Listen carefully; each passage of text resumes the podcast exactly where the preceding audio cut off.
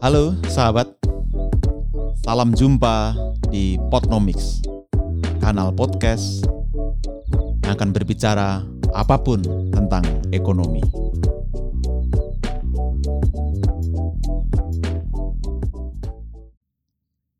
Halo, salam jumpa sahabat Potnomics. Bagaimana dengan libur panjang Anda semua? Mudah-mudahan meskipun menikmati liburan tetap dalam protokol kesehatan kita disiplin dan tidak ada penularan baru COVID di Indonesia karena libur. Apa pun kita sudah mulai harus membiasakan diri dengan banyak perubahan dalam sendi kehidupan kita. Ini sama dengan apa yang dikatakan seorang ahli, COVID ini telah mengubah banyak hal cara kita berkomunikasi, cara kita berkonsumsi, dan cara kita berrelasi. Nah, kali ini saya mau sedikit bahas tentang resesi. Ini kan istilah yang kayak jadi momok gitu ya. Orang ngomong resesi itu udah kayak kiamat aja gitu. Seolah-olah itu berat banget. Emang berat situasi kita tidak mudah. Gak ada yang menampik bahwa situasi kita sangat sulit, berat. Tetapi mengglorifikasi resesi seolah-olah itu sebagai sesuatu keadaan yang malah kita inginkan gitu. Itu kan juga tidak tepat. Harus kita luruskan. Maka saya ingin ngobrolin resesi meskipun sudah banyak diomongin. Dan secara pasti 5 November 2020 nanti BPS akan mengumumkan itu berapa pertumbuhan ekonomi kita di kuartal 3 sehingga sudah pasti kita akan eh, mengetahui resesi tidak resesi. Nah, persoalannya bukan itu. Saya mau bicara lebih makro dan teknis gitu. Saya tidak ingin terjebak ya pada istilah. Toh kita sama-sama akui kondisi sekarang ini sulit, sangat berat. Gak ada yang mengatakan gampang gitu. Dan tidak ada juga yang mengatakan pasti tidak resesi. Gak ada resesi. Pemerintah sejauh ini juga menghindari penggunaan istilah teknis itu semata-mata karena ingin fokus kerja. Nah saya mau berikan konteks. Beberapa waktu lalu kan Menteri Keuangan menyampaikan proyeksi ekonomi kuartal 3. Kemungkinan kita akan minus 1,7 hingga minus 0,6 persen. Artinya hampir pasti tumbuh negatif dan resesi secara teknikal. Karena resesi itu diartikan pertumbuhan ekonomi selama dua kuartal berturut-turut negatif. Nah kalau kuartal 2 kita negatif 5,32 persen, lalu kuartal 3 ini juga negatif, technically kita resesi. Gak ada perdebatan di situ. Nah pernyataan Bu Sri Mulyani, Menteri Keuangan, lalu dijadikan dasar oleh Pak Mahfud MD, Menko Polhukam waktu itu. Beliau mengatakan, ya memang kita resesi, tapi kita aman-aman saja secara politik, keamanan tidak ada persoalan. Nah beliau justru ingin menebarkan optimisme bahwa kita tetap harus waspada, tapi jangan takut berlebihan. Maka sebagai Menko Polhukam beliau mengatakan itu. Pak Erlangga Tarto, Menteri Koordinator Perekonomian, juga berkomentar soal resesi. Beliau mengatakan, ya meskipun tumbuhnya negatif, tetapi kan mengecil, artinya mendekati nol gitu, menuju ke positif. Nah beliau juga ingin ngambil sisi positifnya, meskipun resesi tetapi dengan tanda-tanda membaik kita berharap perbaikan ini berlanjut ke pemulihan ekonomi. Jadi tiga menteri ini bicara tentang hal yang sama dari perspektif yang berbeda dengan bingkai yang berbeda, tapi semua sama pesannya, ingin realistis. Mengajak kita awas, sekaligus membangun optimisme. Itu yang penting.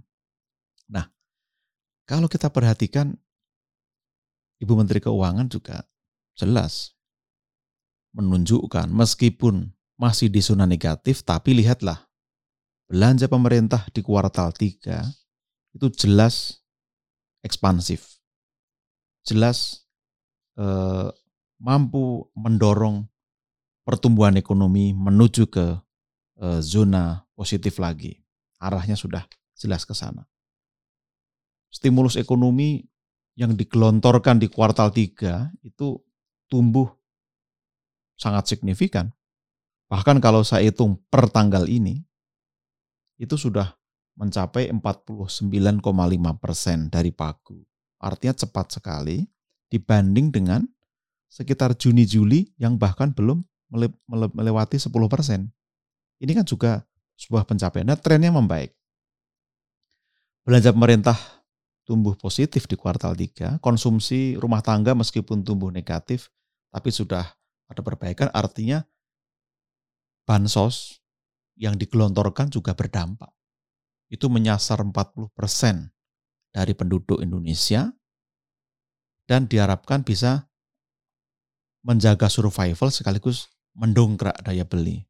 Itu juga signifikan. Apalagi untuk UKM juga sudah digelontorkan cukup besar untuk UKM. Kecepatannya juga eh, bagus. Artinya arahnya sudah benar. Memang kita memperbaiki sisi eh, demand dengan bansos dan lain-lain. Tapi perbaiki juga sisi supply, perkuat UMKM, sektor-sektor usaha. Jadi capaian untuk UKM itu sudah eh, lebih cepat dibandingkan dengan eh, bulan sebelumnya. Ini tanda-tanda bagus. Nah, kalau kita lihat dari fakta ini, pemerintah kan komit tidak mau bicara atau meributkan hal-hal teknikal yang kayak rebutan pepesan kosong gitu. Menang-menangan tapi yang menang jadi arang, yang kalah jadi abu gitu kira-kira. Maka lebih baik kerja keras. Saya contohkan tadi, koordinasi diperbaiki, sinergi, asistensi demi memastikan penyerapan anggaran berjalan dengan baik. Itu lebih penting. Nah, saya juga melihat stimulus ini kan diredesain dalam rangka merespon uh, resesi ini. Saya istilahkan Pak D gitu kan, panjang kuat gede. Diperpanjang karena semua sampai Desember 2020. Bahkan dilanjutkan sampai 2021. Diperkuat. Dukungan untuk UKM misalnya. Ditambah dengan banpres produktif, pinjaman super lunak karyawan mendapat subsidi upah.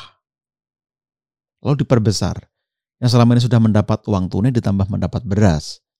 Yang mendapat sembako ditambah mendapat uang tunai. Ini kan upaya memperkuat daya beli. Nah, narasi APBN 2021 pun juga selaras. Percepatan pemulihan ekonomi dan penguatan reformasi fundamental. Fokusnya dibuat lebih tajam dan prioritasnya juga jelas.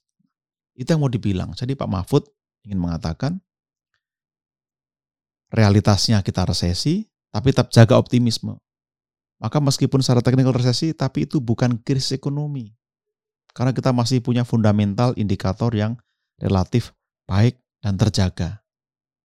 Jadi artinya tidak berarti semua itu serba buruk gitu. Tapi sebaliknya. Kenapa? Itu tadi.